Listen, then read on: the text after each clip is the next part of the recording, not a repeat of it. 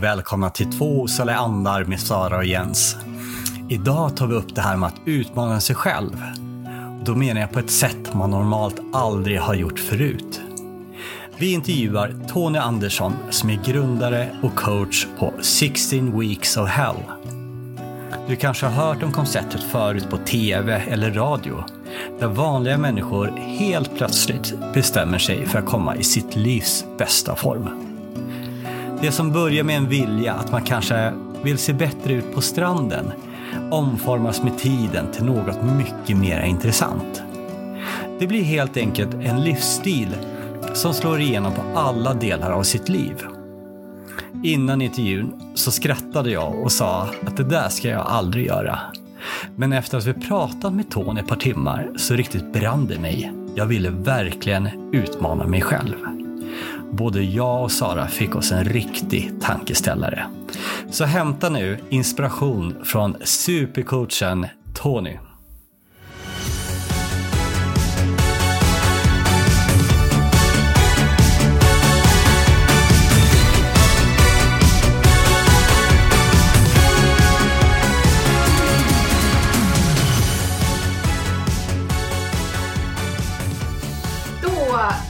Säger vi hjärtligt välkommen till Tony. Eller egentligen kanske, vi är ju hemma hos dig Tony, i Eskilstuna.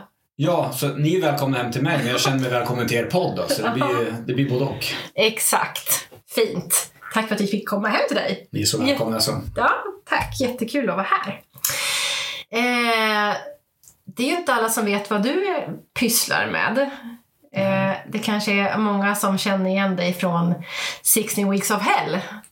Det är det nu för tiden, även om jag fortfarande vill att många ska komma ihåg mig som fotbollstränare så börjar ju det tyna bort lite grann. Så jag inser att när folk kommer fram och pratar nu för tiden så är det väldigt lite fotboll och väldigt mycket 16 Weeks of Hell. Men jag, jag är på väg att vänja mig vid det. Ja, är det att det börjar bli presk preskriberat? Nästan att det liksom försvinner Ja, min, i glömska så.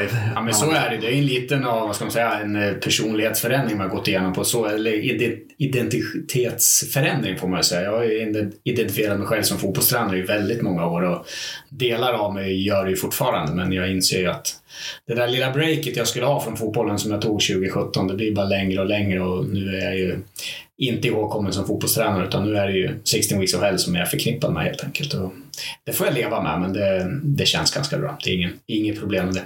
nej. Eh, Vi ska höra lite grann om din historia, din bakgrund tänkte jag också. Men först för de som inte vet vad 16 Weeks- of Hell är, kan du lite, Jag skulle ta någon hisspitch. Ja. Liksom, vad är det Ja, stort? om det går.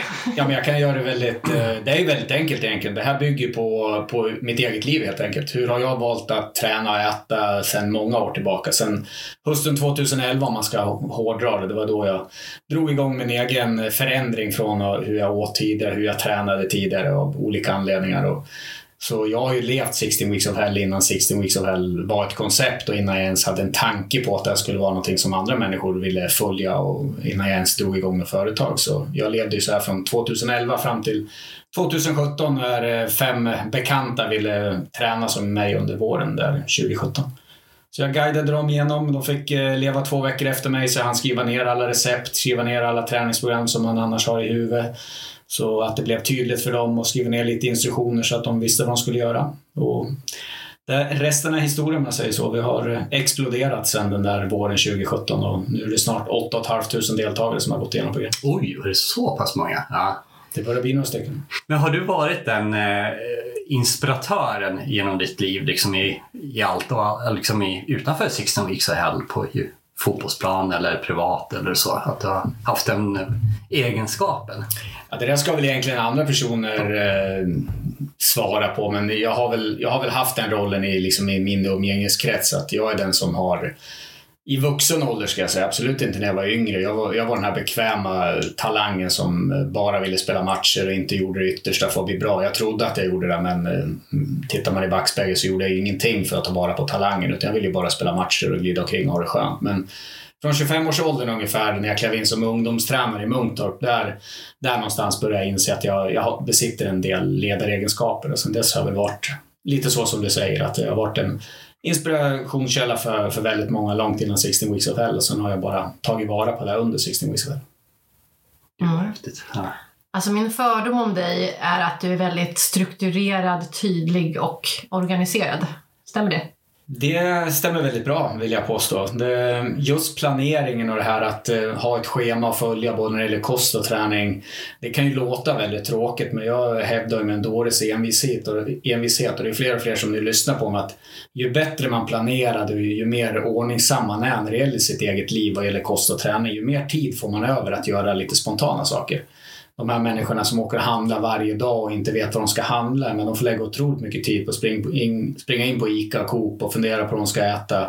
Vi som planerar eh, en vecka eller tio dagar framåt, vi åker och handlar en eller två gånger, lagar matlådor och har ju massor med tid över att göra massa andra saker än att stå vid spisen hela tiden. Mm. Det är så härligt att höra. Jag, jag var ju verkligen den oorganiserade människan förut och tyckte var? Var? Tack. Eh, ja men det stämmer, det finns nog eh, ganska mycket kvar där. Men eh, att jag tyckte att ord som organisera, planera var liksom tråkiga i, i huvudet. Och det ledde just till det du sa, liksom det här springa varje dag på ICA, alla de här grejerna. Och sen var det någon som började prata om just att planera så har du större eller utrymme egentligen för att kunna vara spontan. Ja. För då har du gjort det liksom, som du sa. Ja. Och det blev lite skift sådär. Ja.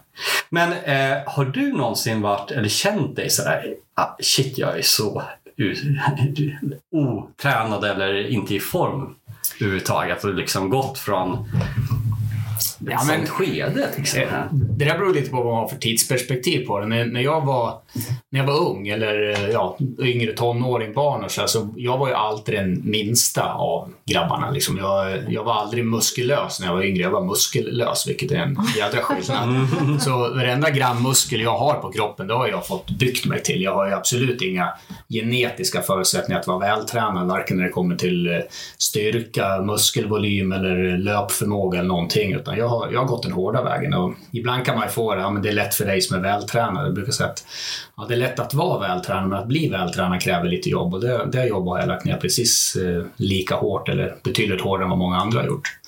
Så när man var yngre var man väl då var man vältränad för att man var ung, men man var aldrig vältränad om jag skulle jämföra mig med andra personer som var det på den tiden. Mm.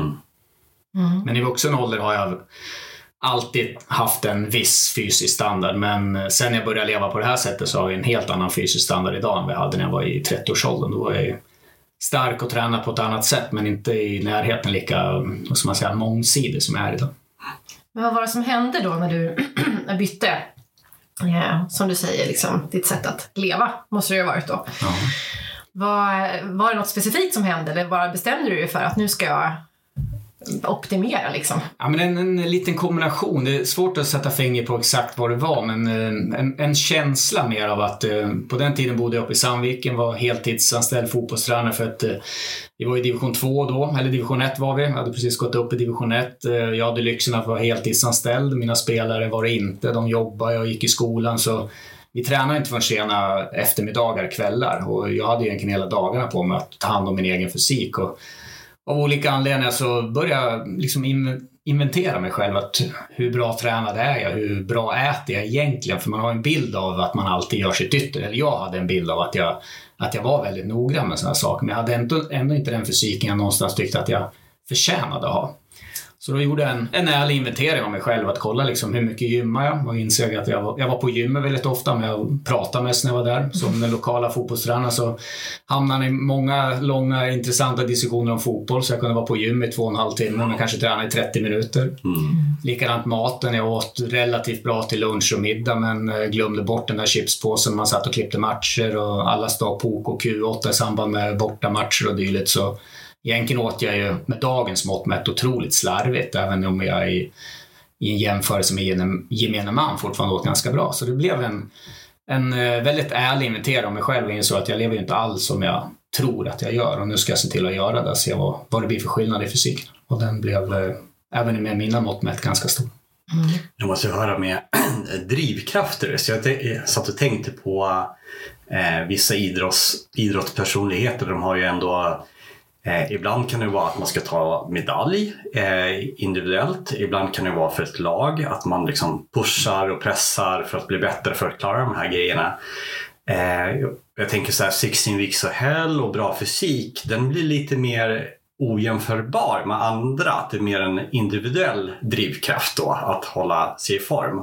Jag kan tänka mig allt ifrån hälsa till eh, vad det nu kan vara som man har som, vad har din varit liksom drivkraft att orka? För det är ju ganska ordentliga träningspass som man mm. måste gå igenom. Mm.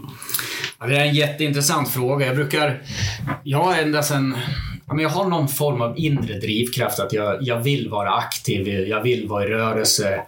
Och jag brukar vända på den här frågan och ställa att jag som tycker det är så naturligt att vara aktiv, att vara hälsosam. Jag menar ju på att om man som vuxen frisk människa ska lägga till, inte om du har någon sjukdom och något annat som ställer till det i livet, men om du är en frisk vuxen människa och inte är hälsosam så har du gjort ett val att inte vara hälsosam. Och jag är nästan mer intresserad av varför så många vuxna människor väljer att inte vara hälsosamma när det valet faktiskt finns. För likadant som jag väljer att vara hälsosam. Jag går en powerwalk varje, varje dag. Eh, jag äter hälsosam kost till 80-85 procent. Jag gör 300 träningspass per år i gymmet och så. Det är ett val jag gör.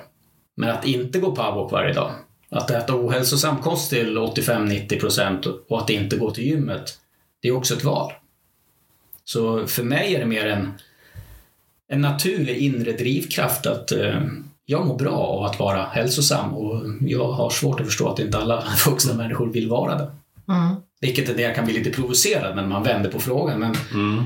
För mig har det varit sedan, ja, men det varit sedan barnsben att vara aktiv och må bra rent fysiskt. Det, det är så naturligt för mig så jag, jag har valt att bara fortsätta göra det. Jag tänker ändå att alla människor någonstans vet om att det är jättebra att röra på sig mycket. Eh, hyggligt mycket. Det finns en skaderisk förstås. Man vet i, stort sett i Sverige alla att hur man ska att man ska äta på ett visst sätt i alla fall. Man har ju någon uppfattning av att för mycket socker, för mycket fett, eh, för mycket godis och chips är dåligt. Vad är det som får oss i stort att inte göra det egentligen det här kloka valet? Att egentligen så är det ju som du säger ett val eller ett passivt eh, icke-val eller vad man ska säga. Ja, men jag tror det till att börja med så vill jag ju döda den, den åsikten du har där att alla egentligen vet. För jag påstår att de flesta vuxna människor inte har en aning om vad för mycket socker är, vad att röra på sig tillräckligt mycket. Utan vi har ju flyttat fram den här gränsen successivt och när man lever mitt i det, men vi som nu är i 50-årsåldern och har varit med på det här. Från början så var ju mycket och lite de här orden, det betyder så olika saker. Om vi hade pratat om vad mycket godis var 1982 när jag är tio år gammal så är det vad folk äter per dag idag. Där vi mm. kanske åt, ja men lördagsgodis är ett fantastiskt ord. Skulle folk äta lördagsgodis så skulle godis inte vara något problem. Men problemet är nu att man ska unna sig lite varje dag. Man måste ju få leva lite, man måste ju få äta vad man vill. Och alla de där eh, gränserna de flyttas ju fram. Så jag påstår att de flesta vuxna människor idag har inte en aning om vad de borde äta egentligen. Utan man har ju man har ju tappat sig ute efter vad som är normalitet idag. Och normaliteten idag är att inte äta hälsosamt och att inte röra på sig.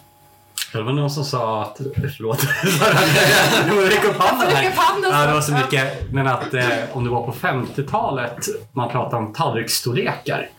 Att, att det var närmare assietter eh, i stort. Och idag har man ju större och större tallrikar, vilket betyder att en tallrik mat är två helt olika saker genom tiderna. Så det var ju rätt ja. roligt att höra den här kopplingen till godiset också. Så. Ja, ja men det, det jag skulle säga, det var, eh, nej, men jag tycker det är jätteintressant att höra eh, och jag tänker också på den här eh, jag har ju någon form av teori så att många går runt med någon slags, lever i någon slags förnekelse.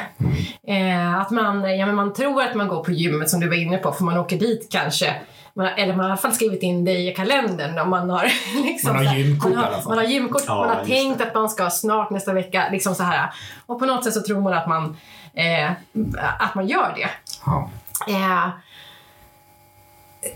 är det, är det liksom, tänker du också så att det finns mycket att man tror att man gör massa saker som man egentligen inte gör? En, en väldigt intressant feedback som vi får från våra deltagare är att många av, de, många av våra deltagare de har ju aldrig varit på gym utan de kommer dit första gången eh, när de ska dra igång de här 16 veckorna. De är lite blyga, smyger lite runt hörnen. De har vad vi kallar för gymrädsla. Så hjälper de komma över den. Under de här 16 veckorna de går på gymmet så börjar de upptäcka att de människor de träffar där hela tiden, de är ju där ungefär samma tider, man träffar, man hejar på samma människor. Men de människorna, de får ingen utveckling utan när de, våra deltagare kliver in dag ett och kliver ut dag 112 så har de gjort en fysisk utveckling som i många fall är enorm. Mm. Men de människorna de hejar på på gymmet, de ser fortfarande exakt likadana ut. Mm. För de är som du säger, de är där, Eh, de gör som jag gjorde innan jag började med det här. Man sitter och pratar, telefonen åker fram, man kollar på lite klipp, eh, man hejar på människor och så är man på gymmet i en timme, en och en halv, men man har kanske tränat i 15-20 minuter och så funderar man varför får jag inget resultat? Och så lägger man även till det här vanliga att jag tränar ju, då kan jag äta lite vad jag vill för det är jag värd. Mm. Och så går man eh, plus på... Jag behöver mer, ja, mer kalorier. Exakt, man, man lurar sig. En och en halv timme. Alltså. Ja. Då har man varit på gym en och en halv timme men har ju inte gjort speciellt mycket. Så det, det är en feedback vi får från många deltagare att jag ser samma människor hela tiden men det händer ingenting för de sitter ju bara där. Mm. Vi går ju dit och tränar. Mm. Så det är en jädra skillnad. Ja, det för oss lite in på eh, motivation, alltså vad som gör att man vill eh, genomföra 16 weeks of hell. Ja, motivation är ju otroligt eh, intressant att prata om. Jag har ju en slogan som jag har använt i många, många år, även innan 16 weeks of hell. Och under 16 weeks of hell har det blivit liksom en av våra, vad ska man säga, meningar som vi säger väldigt ofta och verkligen präntar in oss deltagare. Att motivation är en lyxvara. Det är ingenting man kan förlita sig på. Det är bra att den finns där som en grund. Men det är inte den som kommer att göra att du tränar och äter bra varje dag, utan den är flyktig. Man kan inte, det är en lyxvara vi inte får förlita oss på. Nej. Sen är det bra att man har ett, ett varför. Varför väljer du att vara hälsosam? Varför vill du äta bra? Varför vill du må bra? Mm. Och det kan ju vara otroligt skillnad. Allt från att vi har en hel del som har gått där med sjukdomshistorik som verkligen kan sätta mot att hur mår jag när jag mår, alltså när jag är sjuk, oavsett om det är cancer eller psykisk ohälsa och hur mår jag när jag är bra. Det är en enorm drivkraft att faktiskt ta hand om kroppen för att må så bra som möjligt. Vi har en del som eh, har blivit mor och farföräldrar som känner att eh, jag vill kunna vara aktiv med mina barnbarn på ett sätt som jag kanske slarvade lite med mina barn, har vi hört ibland. Och att man, man liksom vill vara aktiv högt upp i åldrarna. Våra äldsta deltagare är 78 år gammal. Oj, wow, vad häftigt. Så det, ja, men det är kul att eh, bara för att man har fyllt 50-55 betyder inte det att livet är slut och att man ska sitta fast i soffan och inte kunna röra på sig. Utan en drivkraft för väldigt många äldre är just att man vill fortsätta vara aktiv. Man vill ha liksom ett, ett aktivt liv. Sen behöver inte det betyda att man blir en gymmänniska och hänger på gymmet fem, sex dagar i veckan. Men just det att eh, klara av att gå, och göra det man ska, inte pusta och stöna varje gång man reser sig upp i soffan utan behålla någon form av eh, atletisk förmåga så högt upp som möjligt i åldrarna.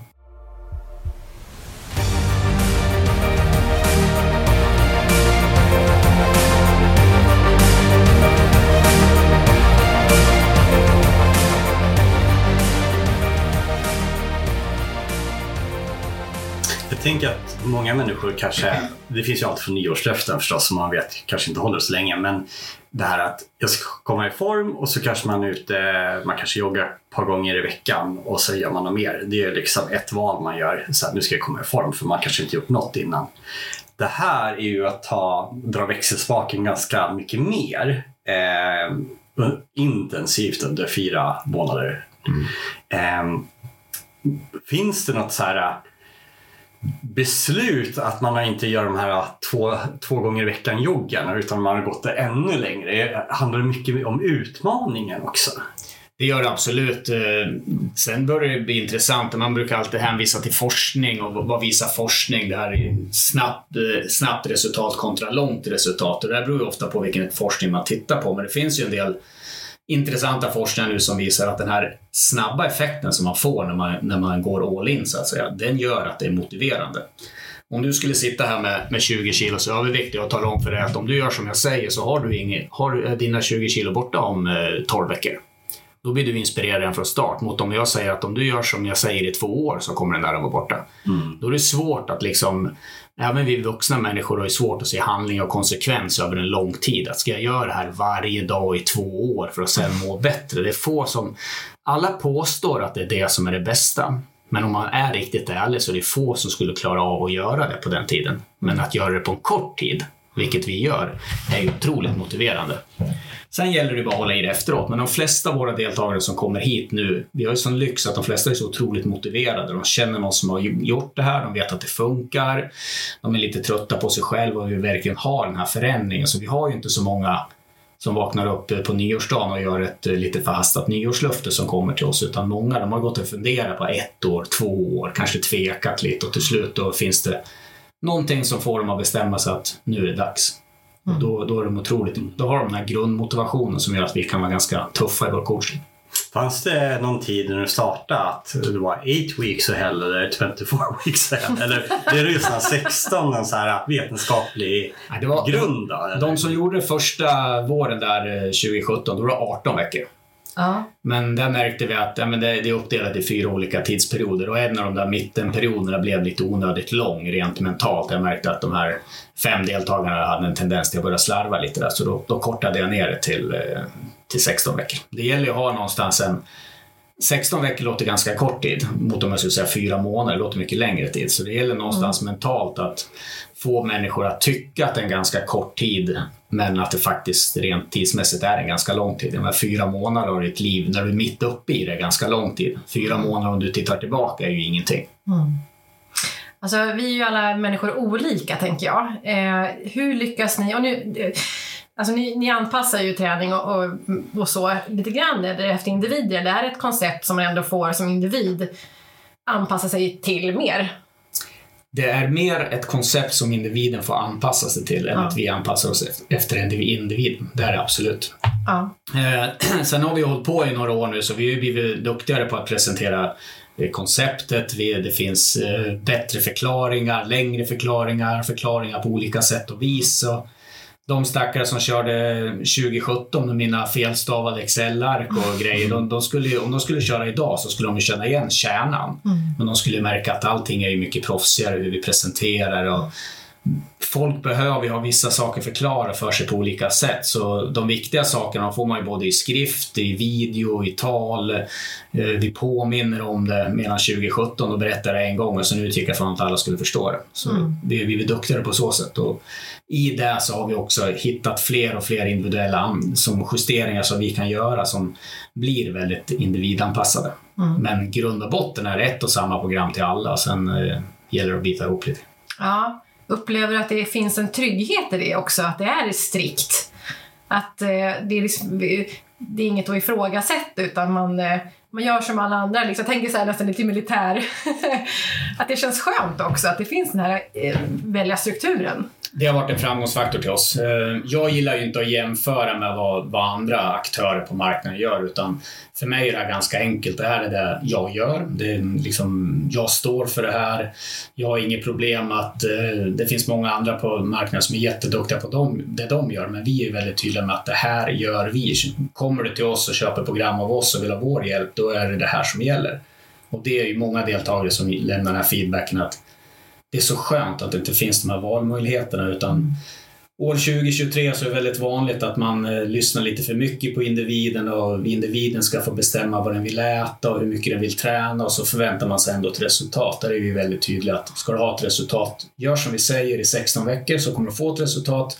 Därefter får du tillbaka kontrollen av ditt liv och då får du ta dina egna kloka beslut. Men gör bara som vi säger så garanterar vi, nej vi garanterar inte, men vi lovar ett resultat. Mm. Det finns ju ingen som har gjort det här till 100 procent som inte har fått ett fantastiskt resultat. Ja, jag måste säga att jag I love it. Ja, men kan det vara så att ni eh, vid den här uppstartsprocessen eller beslutsprocessen att ni till och med avråder vissa för att man märker att motivationen är så, verkar så bristande eller att det finns andra aspekter, hälso, eh, undernärd kanske eller vad det nu kan vara. Att... Innan anmälan så har vi ett stort, eller stort antal, men vi har en hel del deltagare där det är framförallt, framförallt jag och eh, coach Martin, som man kallar honom, Martin Vakanainen. Det är vi som har kontakt med deltagarna innan de anmäler sig. Och vi säger nej till en del deltagare av olika anledningar. Framförallt de som eh, vill ha ett resultat men inte vill göra jobbet. Som är inne på att jag kan inte, jag har alltid, det blir alltid så här. Jag måste vara på den här 50-årsfesten, jag mm. måste vara på after work och dylikt. Och då säger vi helt enkelt att då ska du inte gå 16 weeks väl. En del blir glada att man säger till dem, en del blir provocerade och anmäler sig ändå.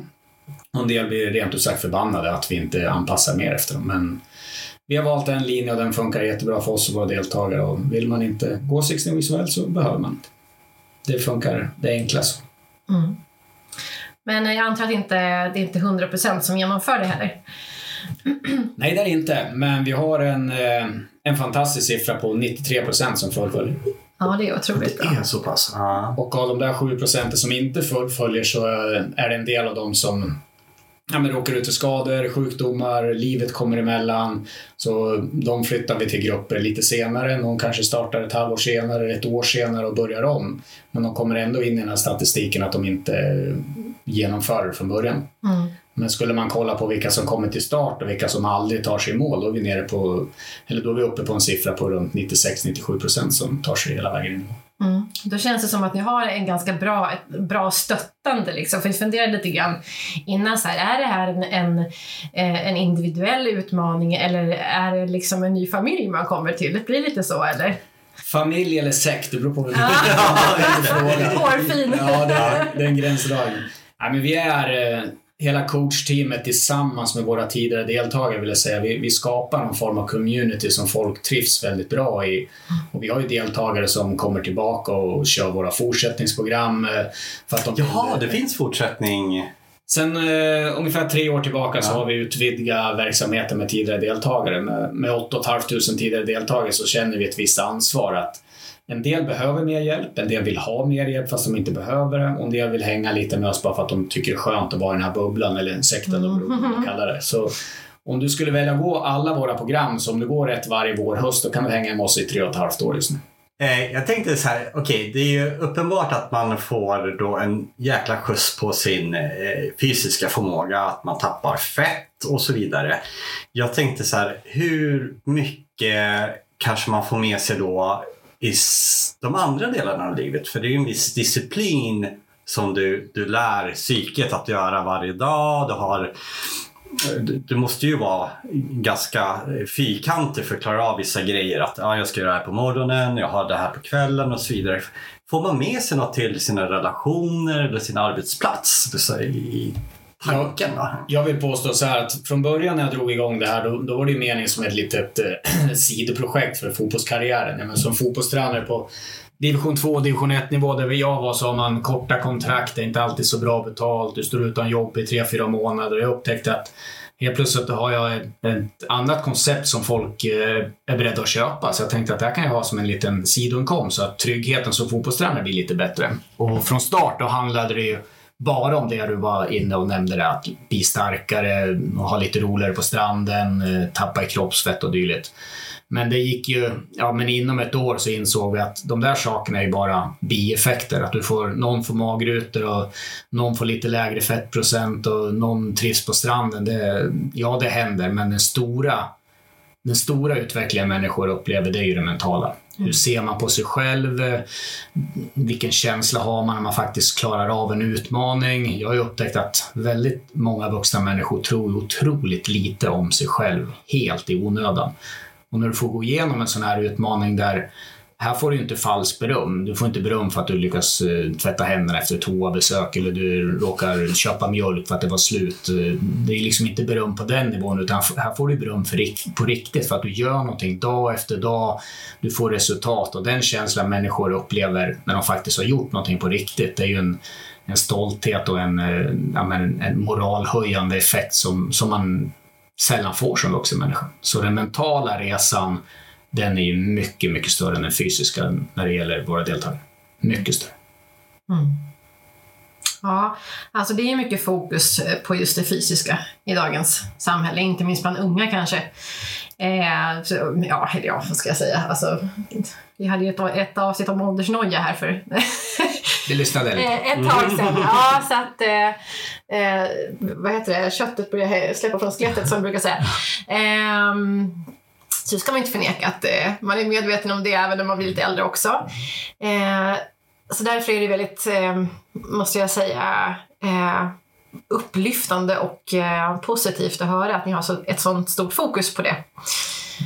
Att ni är medvetna om det och stöttar det så pass starkt. Ja, men det, det har blivit så det gick så fort att ändra fokus. Eh, mm. Jag kommer från en prestationsbaserad värld där resultatet är allt. Även om man pratar utveckling och eh, allt det här inom fotbollen så vet du ändå som fotbollstränare att även om truppen har utvecklats och alla mår fantastiskt bra, förlorar du tre raka matcher då får du sparken. Och det är oundvikligt att man då inte är prestationsbaserad. Och jag själv har aldrig haft något problem med det utan det, är liksom, det har också varit en naturlig del. Man, man brukar snacka vinnarskalle. Jag har varit en klassisk vinnarskalle i, i hela mitt liv och jag har aldrig haft något problem med det. Mm. Men det gick så otroligt fort att ändra fokus när man kom in i det här, när man faktiskt upptäckte vad det här men vad det gjorde för människor på riktigt, inte, inte fysiskt utan mentalt. Hur, de feedbacken när folk berättar hur de går in i ett rum när de tidigare kände att de gick in och ställde sig i ett hörn och nu går de in rakryggade och känner att de liksom är, är i centrum av rummet på sätt de aldrig upplevt tidigare. Det, det är resultat på riktigt. Mm. Det, det, är häftigt att få en liten del av det.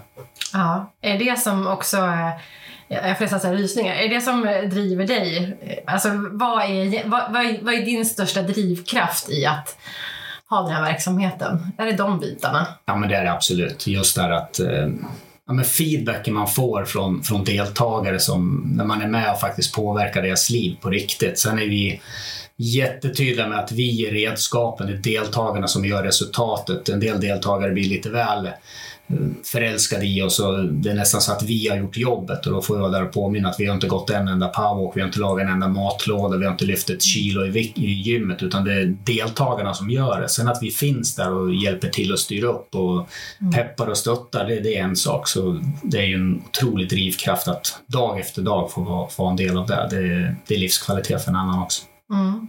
Alltså du säger ju också lite grann, nu, nu kanske jag tar det lite långt, men jag tänker också just det här, eh, den här strukturen, liksom alla val som man har hela tiden i livet. Att det blir en sån, sån skön grej för många, att ni finns där som en trygghet, en stabilitet kanske så mycket att man så här, det blir det är nästan så en förälderroll på något sätt som man kanske saknar, en egen styrkraft som man inte har riktigt innan. Jag tänker att det också kan vara liksom inspiration för många att så här, ja, men, lite mer jäklar anamma.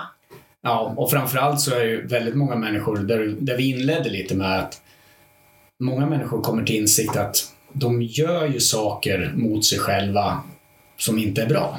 Mm. Fast de egentligen inte tänker på det. Utan det går ju, det går ju slentrialt. Man tar ju en del, jag brukar snacka aktiva val. Att vara hälsosam och eh, det kräver en del mer, det kräver fler aktiva val än att inte vara det. Men det är ju trots allt ett val att inte vara hälsosam. Mm. Sen blir det lite slentrialt och där upptäcker ju väldigt många människor att de tar ju hundratals beslut varje dag mm. som inte är till sin egen fördel och börja vakna till och inse och liksom ställa sig frågan till sig själv att varför gör jag det valet? Om jag nu är hungrig, varför stannar jag på någon av våra bemannade bensinmackar och köper tre korvar med räksallad istället för att åka hem och laga bra mat som jag vet att jag om två timmar kommer att må mycket bättre av. Mm. Det är sådana här enkla, enkla saker som eh, vuxna människor börjar fundera på och då blir livet lite lättare. Mm. Vad, vad är den största utmaningen när man börjar med att ändra sitt liv så här kraftigt? Är det maten? Är det träningen? Vad, liksom, vad är det man brukar ha svårast med? Om du går och drar några sådana generella... Tiden. Tiden. Ja, folk är otroligt duktiga på att lägga tid på ingenting. Ja. Mm. Om vi skulle kolla mobiltiden på de flesta vuxna människor så ligger den runt 4,5-5 timmar per dag som vi sitter och håller på med mobilen på ett eller annat sätt. Och visst, det kan vara en minut här och en minut där. Men det är otroligt mycket tid vi, vi som vuxen människa bara säger, bara är. En del brukar spela ut kortet att jag vill vara hemma och vara med mina barn. Men de flesta är ju bara hemma när barnen är hemma. Men de är ju inte med sina barn. Utan barnen är på rummet och spelar tv-spel eller ute och spelar fotboll är väl ännu bättre. Men barnen är ju hemma och du är hemma men du gör ingenting. Utan du går omkring där och slötittar lite på telefonen, tittar lite på tv. Och just att ändra det här beteendet, att vara lite effektivare. Du kan absolut kolla på mobilen och kolla Instagram och Facebook. Du hinner kolla på TV men du ska inte göra det så oplanerat utan mm. eh, du har tid att träna men det är det största utmaningen för de flesta just från början. Tiden, tiden, tiden. Mm. Och även när de börjar då, upplever de att fortfarande tiden är ett problem eller är det, är det en förutfattad mening de har? Ofta en förutfattad mening. Ja. Framförallt de som tar till sig det här med planering. Vi har gjort en grovplanering där de vet vad de ska äta, vad de, hur de ska träna och så vidare. Sen gäller det ju som individ att detaljplanera när ska jag åka och handla? Ska jag laga mat varje dag? Ska jag laga matlådor?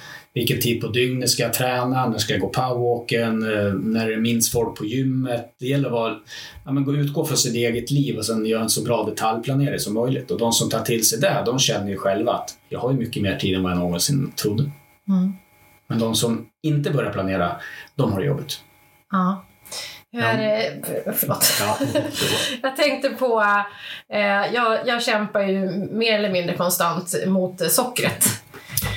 Eh, det är mycket, mycket, alltså, det är mycket lättare när man har fått bort det här, eh, det mesta sockret i sitt liv så att säga.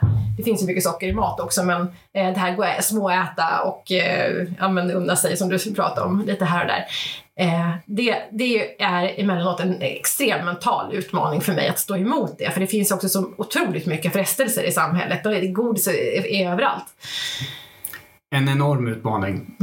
Vi märker ju dessutom att om man ska ta ordet sockerberoende som eh, nog idag tas emot på ungefär samma sätt som spelberoende gjorde för 20-25 år sen. Det vill säga att, att män i min egen ålder fnyser lite åt att det är klart du inte är sockerberoende, det är bara att sluta äta. Där är vi idag. Jag är helt övertygad att vi om 15-20 år kommer behandla sockerberoende på precis samma sätt som vi behandlar alkoholberoende, spelmissbruk och så vidare. Däremot är det glädjande att de flesta av oss, jag säger oss, för jag är precis likadan. Jag kriga mot det där godisbegäret i stort sett varje dag, men de flesta av oss klarar av att med lite planering och disciplin hålla oss på en rimlig nivå. Sen finns det, och de här siffrorna är ju jätteolika beroende på, det finns ju forskning som visar att upp mot 25 procent av vuxna befolkningen är sockerberoende. Jag kan ju bara gå på de 8 500 vi har behandlat eh, eller tagit hand om, varit en del av, och säg vad man vill, men vi har ändå 8 500 vuxna människor.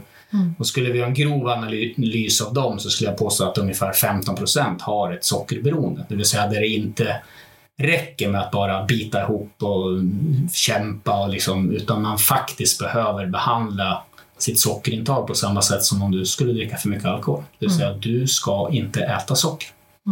Vilket är en stor sorg för många, för då får du ändra livet ordentligt. För då pratar vi även snabba kolhydrater som eh, ren pasta, vitt ris, eh, hela den biten ska du äta oerhört lite av, eller helt enkelt ingenting alls. Och det är ett, ett tankesätt som just nu är väldigt svårt för folk att få in. Det jackar väl in i, i hjärnans kemi också det här med eh, när man får de här pusharna av de här goda eh, endorfiner och liknande som gör det ännu svårare. Och vissa har ju, när det gäller beroendeskap, väldigt lätt att fastna i någonting. Sådär. Men jag tänkte så här, den här resan man gör under 16 veckor. Eh, vad händer, jag tänker så här, kanske vecka sju då man känner att man har massor kvar och man har kämpat och det, kroppen är ont och allt det här. Och man kanske får en dipp. Arbetar ni mycket med mental träning, coachning under liksom vissa, att det liksom känns som att här är det nog en lite tuffare period. Vad gör vi liksom för att vända eh, individen till rätt eh, mentalt ställe? Då? Den mentala dippen kof- kommer ofta i vecka 9-10 där någonstans. Eh, när man har nått över halvtid, man har fått de här första fysiska resultaten. Även om vi pratar att det är bara en bonus så lyssnar ju inte människor först de har upplevt det här. Utan säg att du kommer in i det här och har 30 kilo som du kan tappa. Så har du tappat 20 kilo redan till halvtid. Då är ju få. Good enough. Exakt, och sen går vi ur vår första DEF-period efter sju, sju veckor och lägger de flesta hamnar då på vad vi kallar för kaloribalans. Vilket gör att du kommer att vara ganska viktstabil under 3-4 veckor. Kanske bara gå ner något kilo i veckan eller kanske inte gå ner alls. Och även om vi är då där och påminner om att eh, det är lugnt, du kommer att tappa de där sista 10 kilorna. Så en del blir otåliga, de får viktnoja eller en del känner att jag är klar nu, nu, nu vill jag nästan skita i det här. Så där kommer en liten dipp och den vet vi om. Vi påminner deltagarna om den när de är som mest euforiska i vecka 3-4 när livet är fantastiskt. Och sen är vi där och påminner hela tiden om att eh, under några veckor nu kommer det bli lite vardag och uppmanar då deltagarna att utnyttja den här tiden liksom när vardagskänslan kommer, att bolla de tankarna med mig och, och coacherna. För vi, finns ju i en, i en app, eh, du skriver till oss i appen då, vi finns ju där 18 timmar per dygn, sju dagar i veckan. Så vi vet om att den där dippen kommer och en del deltagare är fantastiska på att utnyttja och verkligen bolla sina tankar och idéer. Alltså. Gäller det att hitta sitt varför i det? Eh, för jag tänker, man, man går in med, med ett varför. Varför jag ska göra det här. Och så kanske man tappar det är ju lätt att hitta på lögner för sig själv, att man inte är sann mot, mot sig själv. Man, hjärnan börjar mala på, man hittar på tankar och så blir de verklighet och så vidare. Är det liksom den delen? Kommer du ihåg varför du gör det här? Eller finns det andra liksom motiverande Ja, men, Håll ut nu eller vad det nu kan vara. Dels den, men sen kan det också vara att det varför du gick in med är egentligen ditt riktiga varför, utan ditt varför du gick in med det, det är du är så styrd av samhället och vad ska man tycka och det här normaliserade. Vad är okej okay att känna att varför jag gör det här? Så många ändrar i sitt varför, att man har någon slags allmänt varför. Att jag vill vara hälsosam, jag vill vara där för mina barn och så här. Vilket inte är fel alls, men det är inte säkert att det är som är ditt varför. Utan under den här resans gång, då kommer du upptäcka att jag vill ju det här av helt andra orsaker. Och då kan det vara så här rent egoistiska orsaker. Det kan vara fåfänga, men det kan framförallt vara det här att jag mår ju så mycket bättre när jag faktiskt lägger tid på mig själv. Och där kan många vuxna människor få lite dåligt samvete att ja, jag är borta lite mer från barnen än vad jag brukar vara och det kanske inte är bra. Då är vi där och påminner om att vad gör du när du är med barnen? Är det bättre att vara med barnen fem timmar i veckan med kvalitet än att bara sitta 15 timmar runt om och inte göra någonting. Man får börja liksom göra lite, lite värderingar. att Hur mycket är det värt att du är hemma när, när din son ändå bara är på sitt rum? Är det inte bättre att du gör någonting när du är hemma och sen är du iväg och tränar? De som har tonårsbarn, tonårsbarn vill vara lite ensamma de också. Du behöver liksom inte sitta ihop med dem. Så många ändrar sitt varför. Och ibland kan det där, som jag var inne på, bli lite egoistiskt och det kan en del tycka är lite jobbigt. Och då är vi där och påstår att det inte alls att fokusera på att må bra själv är inte egoistiskt. Det är snarare tvärtom. Om du mår bra, då kommer du att vara starkare när det blåser till, i din, när, det, när det verkligen händer någonting runt omkring dig med barn, eh, sambo, vad det nu än är. När de verkligen behöver din hjälp, om du då mår bra, då kommer du att vara starkare än om du inte gör det. där är tror jag, jätteviktig, jätte, jätteviktig poäng i det hela. Jag tänker också att när man eh, kanske gör sin svåraste utmaning någonsin i livet. Eh, och de här eh, som man då kanske har på något sätt hittat på att man gör det för någon annans skull. Eh, och man upptäcker att eh, oj, det var visst inte för den sakens skull utan man står naken med sig själv på något sätt. Att nu är allting annat bortstrippat, jag ska bara göra det här liksom. Ja, men varför då? Jaha, det kanske är för mig själv. Och då kan ju hela ens självbild helt plötsligt vändas omkull. Och sen så, det är jätteintressant att du säger att det är många som får dåligt samvete för det. Mm. När det är, precis som du säger, det som är... Ja, men du måste ju må bra själv för att kunna vara en bra person för andra. Mm. I första hand. Och egentligen är det ju, det är ju logiskt när man säger det högt, men mm. likadant där, att i, i samhället idag så finns det någon slags socialt tryck på att normalt är bra. Och mm. normalt idag är ju inte bra, utan som jag varit inne på tidigare, normalt idag är att vara ganska inaktiv, det är att vara överviktig och det här är inga siffror jag hittar på utan det här är ju siffror från eh, alltså folk som forskar på sånt här från folk, eh, Företagshälsan ska jag säga. Företagshälsan som kollar alla yrkesmässiga vuxna människor i Sverige med x antal år mellanrum. Och mm. senaste undersökningen så är det 53 procent av Sveriges arbetsbeförda befolkning är ju överviktig eller lider av fetma. Mm. Och då är det det normala. Mm. Så när någon ibland säger till mig att du är inte normal, då säger jag tack. Mm.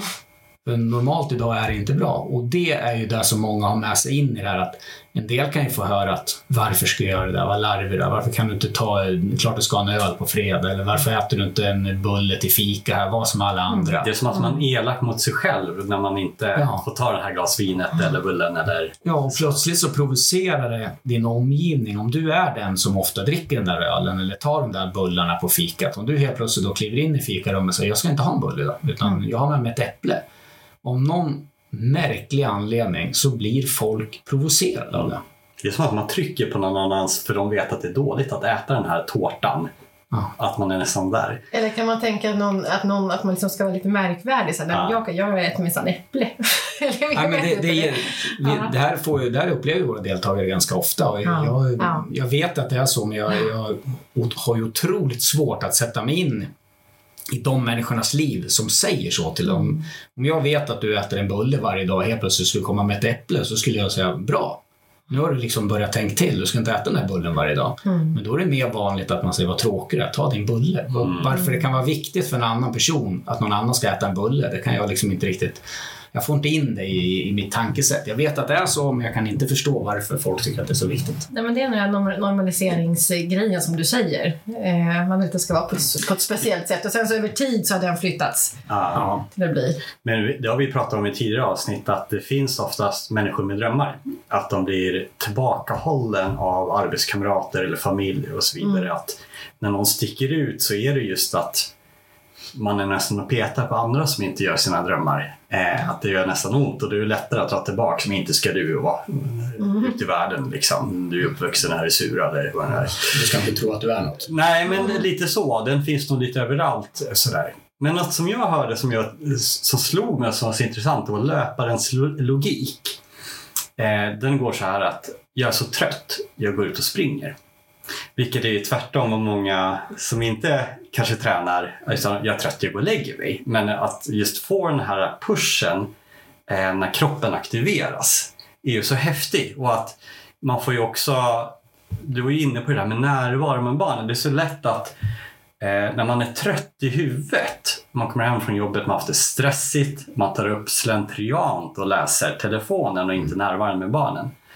Men springer man eller gör någon annan aktivitet, hårt gympass eller vad det nu kan vara, så blir man liksom så fräsch och man på nytt eh, född eller som man sovit en dag eller en natt. Liksom man är, och då kan man helt plötsligt orka och vara med de här eh, i familjen. Liksom.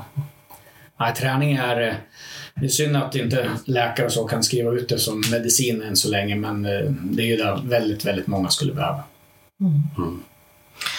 Finns det de som eh, eh, liksom går in för hårt? Men det gör det alltid. Man har några... Just där man snackar tävlingsskallar, så tävlingsinstinkt och så. här. Jag har ändrat det där ordet för min egen del. att Tävlingsinstinkt är ju bra, men det blir så begränsat. För till slut, om- vi bara pratar att du har tävlingsinstinkt, då är det bara en som kan vinna hela tiden. Mm. Tar du allsvenskan i fotboll så är det ett lag som vinner och alla andra, då är det 15 lag som förlorar. Jag har ändrat det till att tänka att jag ska ha en framgångsskalle istället. Jag menar, du kan komma femma med Mjällby i allsvenskan och det är en framgång. Det betyder inte att du, du vann inte, så det är, det är, ingen, det är ingen vinst. Du, du är ingen vinnarskalle om du kom femma med Mjällby, men du kanske har en otrolig framgång i, i, i laget, för normalt sett borde du åkt ur. Så jag börjar snacka mer och mer med folk om att du ska nå framgång. Betyder inte alltid att du vinner, för det kommer alltid, hur snabb jag än blir på att springa kommer alltid vara någon som är snabbare. Hur stark jag än blir i gymmet kommer alltid vara någon som är starkare. Det är otroligt få som blir nummer ett hela tiden, men att nå framgång, att maximera just din effekt. Hur, hur vältränad kan du bli? Hur bra kan du må? Hur bra kan du bli på ditt jobb? Det kan du lyckas med genom att ha disciplin och, och verkligen göra jobbet. Så det är bättre att prata framgång och framgångsskalle än vinnarskalle. Mm. Annars kan du komma tvåa och vara fantastisk, men du har ändå förlorat och det är ju ganska dystert. Mm. Hur ser du på utmaningar i livet personligen? Jag tänker att de som går 16 weeks och hell kanske ser det som en personlig utveckling, en utmaning. Att man kanske inte alls varit i närheten att göra så intensivt.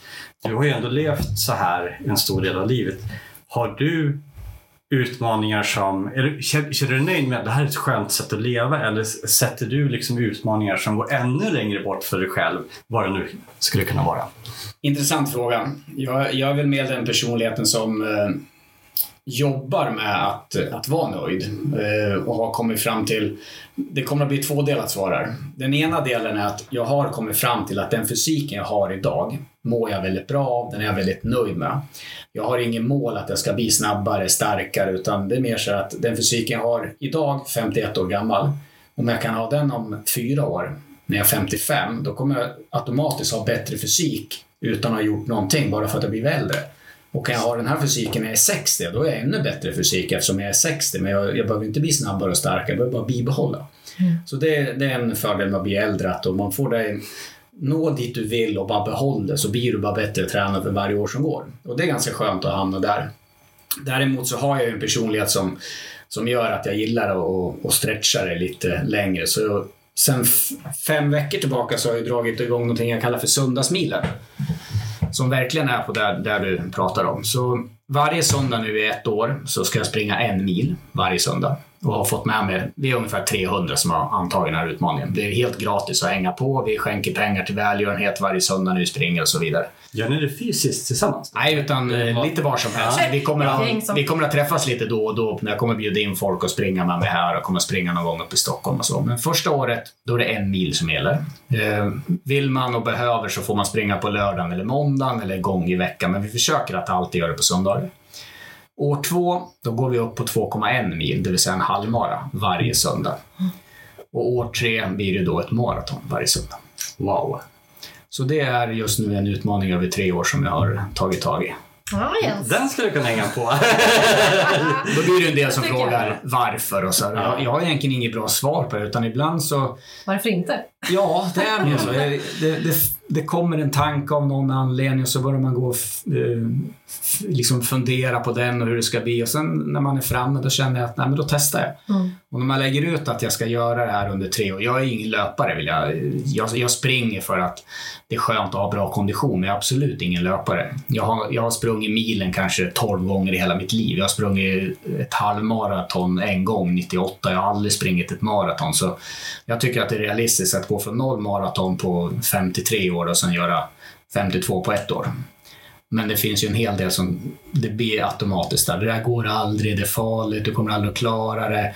Och en utmaning, det är inte säkert att det är väl störst chans att jag inte klarar det givetvis. Att jag ska vara frisk och hel varje söndag i tre år är ju... Ja, man knägår. Nej, men det, lite- ja, men sjuk, förkylning, fel, det räcker med vad som helst. Så, Mm. så det är väl störst chans att jag inte klarar det. Men samtidigt, om jag skulle säga att jag skulle sagt att jag ska springa en mil varje söndag i tre år, så är det med den statusen, fysiska statusen jag har nu, det är ingen utmaning. Men jag springer en mil med, ganska enkelt nu för tiden. Det är mer bara att få ihop det. Men att göra ett maraton varje söndag i ett helt år kommer bli en enorm utmaning för mig. Och då är det självklart att risken finns ju att jag misslyckas. Men skulle jag då lyckas göra 51 på ett år så kommer inte jag känna att jag har misslyckats. Nej. Utan då är det där, då har jag nått en framgång. Men okej, jag gjorde inte, jag klarade inte av den sista av någon anledning. Men nej, jag, jag är där och kör lite utmaningar emellanåt. Wow. Och det är väl mer att jag, jag får, med ålderns rätt har jag lärt mig att begränsa mig lite. Även fast det här inte är någon begränsning. Då. Men man får, man får välja sina utmaningar. Men det är som att det måste ju också finnas en risk att inte klara av det för att det överhuvudtaget ska bli en utmaning. Exakt. Alltså är det liksom, om säger att du springer en mil. Hade du haft det liksom, jag springer en halv mil liksom varje söndag. Ja men då är det ingen utmaning längre Nej. utan då är det ju standard eller vad man ska Ja. säga. Men det är också någonting som provocerar folk idag och, och det, jag, jag kan ju ärligt tycka att det är lite kul att folk blir provocerade.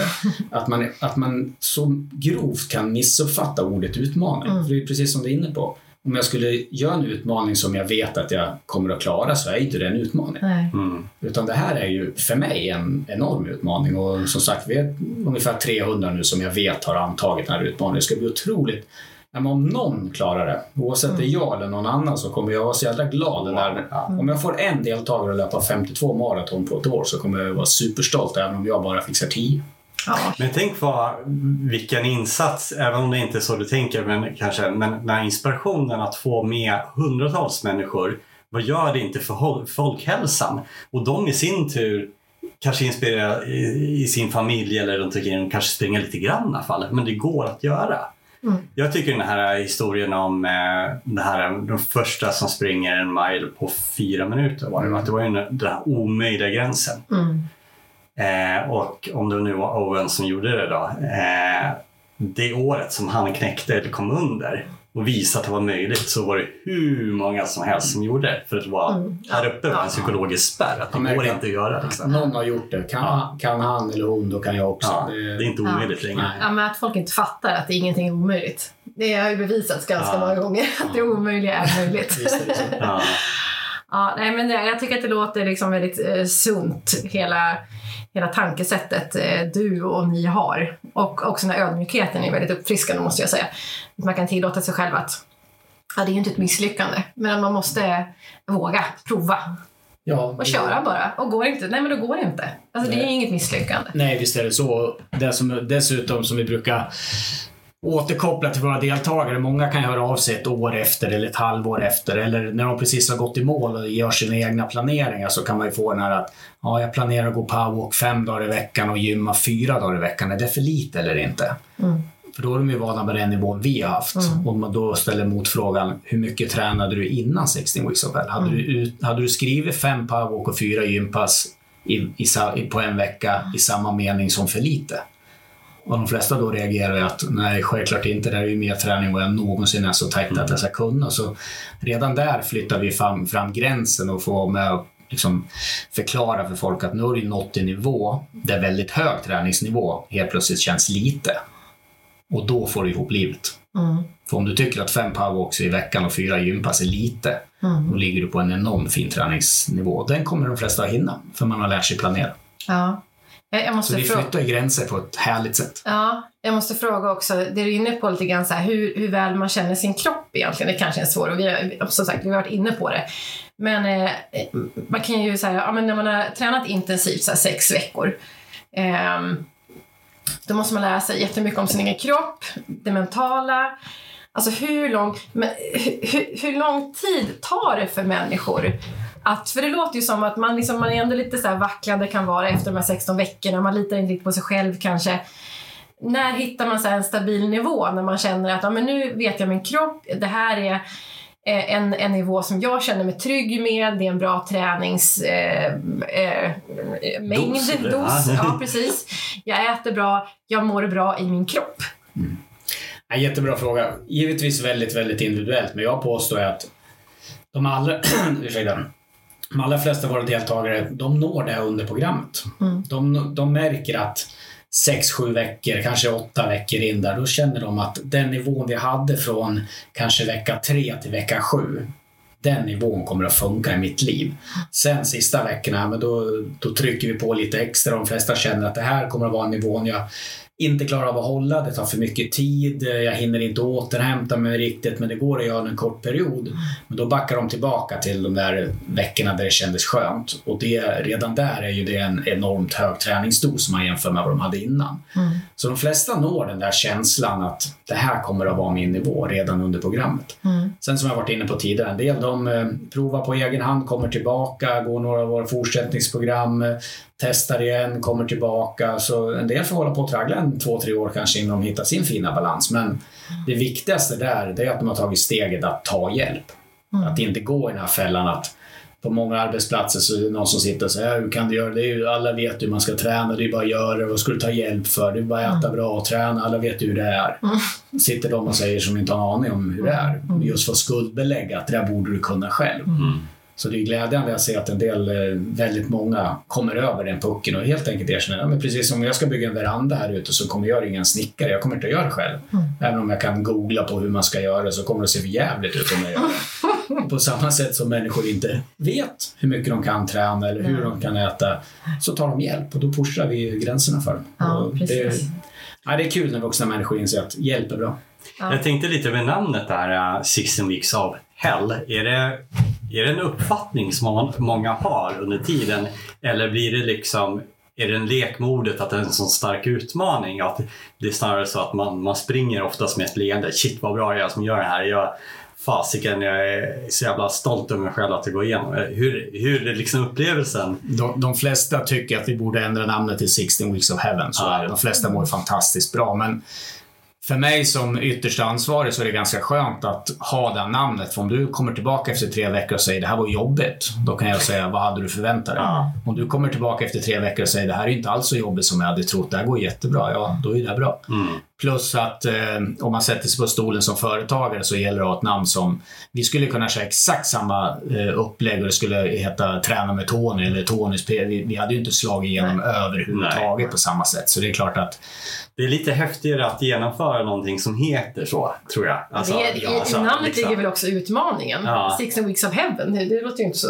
så Nej, men då, är, då, då, då tänker man ändå solstolen. Alltså det är liksom, att det är liksom så. Ja. Så, Ja. ja. Nej, men allting måste heta någonting. Och, eh, om det, jag tror inte det finns någon där ute som skulle analysera rent företagsmässigt som skulle ha mycket negativt att säga om namnet. Nej. utan det är ju en, eh, ja, det är en lyckträff helt enkelt. Och Ja. det var ingenting jag planerade när, när det blev så. Utan det, det, är mer bara, det blev så Ja. under den där våren när vi körde. Sen, eh, sen har det bara satt och nu lever det sitt eget lilla, lilla liv. Jag menar, Mm. 16 Weeks of Hell är ju mycket mer känt än vad jag är. Mm. Om man skulle göra en undersökning på hur många som känner igen Tony Andersson och hur många som känner igen 16 Weeks of Hell så är, är ju inte jag ens i närheten.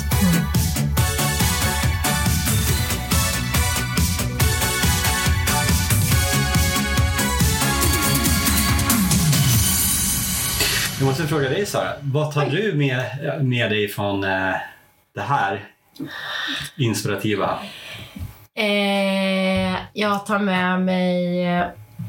Ja, men jag hade nog kanske bilden av att... Eh, jag, hade, jag hade inte så mycket förutfattade meningar, jag försöker jobba bort dem. Men, eh, men jag blev i alla fall väldigt eh, eh, positiv och eh, eh, lite berörd av just den här eh, ödmjukheten inför människor eh, och insikten om att alla har eh, individer och eh, eh, att man kanske behöver pusha på olika sätt. Men just det här eh, som jag tycker känns otroligt skönt, det här med eh, den organisatoriska, strukturen.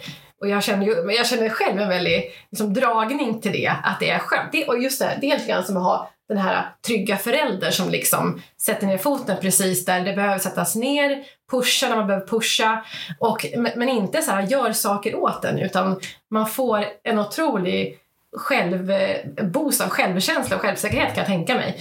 Som eh, många säkert mår otroligt bra av, eller jag uppenbarligen. Så det, alltså jag, jag känner mig taggad, eh, jag, jag skulle vilja göra det. Jag, jag tänker också så här, tid, men nu inser jag ju att det kan inte jag skylla på längre. Det, det här kortet har vi spelat bort. ja, precis. Attans. Ja, du Jens. Ja, alltså det som slog mig alltså, verkligen starkt det du sa, det som är normalt kanske inte är det som är bra utan att att liksom nästan att det är provocerande att det här normala att man, man rör sig någon gång ibland, man är, spelar tennis 20 minuter i en vecka. Liksom. Alltså, that's it. Eh, att, att ta hand om sig och göra det hela tiden är ju egentligen det som ska vara det normala och ingenting annat. Ja. Nej, så är det. Jag, jag önskar att alla vuxna människor någon gång under sitt liv får, får känna hur det är att vara riktigt vältränad och inte bara det här orka resa sig upp i soffan utan att stöna. Liksom, utan att verkligen som vuxen människa när du har passerat 50, att du, du kan känna att ta på dig dojorna ut, löp en mil, gå till gymmet, träna utan att kroppen gör ont. Livet i sig blir så mycket bättre och det, det är livskvalitet att vara hälsosam. Det, det måste fler, fler människor borde få uppleva det och jag hoppas att de, att de gör det. Sen om de gör det med, med vår hjälp eller inte, det lägger jag liksom ingen värdering i utan jag önskar bara att de allra flesta människor skulle få chans att få känna så. Mm. Jag har bara en sista fråga, Tony. Eh, kan du mäta mitt kroppsfett? Ja, det kan vi lösa. Fan vad bra. Kan du mäta Jens kroppsfett också? jag tänker eyeballet eh, 25. That's it. Ja. Ja, vi Ja, kanske nej, men- får komma tillbaka om ett år och se. Ripped ass. Mm. Ja. Ja, det kan vi göra. Mm, kul! Eh, tack snälla Tony, jättekul och intressant att prata med dig. Tack själva, det har varit jättetrevligt. Helt otroligt att jag har blivit så inspirerad fast jag, får- jag tränar helt nu. Nu ska jag göra ännu mer. Ja. Jag är pepp. Ja, härligt att höra. Mm. Ja, men och lycka till med allt du tar dig för här nu framöver, för det, du har mycket på ditt bord, kan jag tänka mig. Vi har mycket roligt framför oss. Det, detsamma. Tack för en trevlig pratstund. Tack. Tack!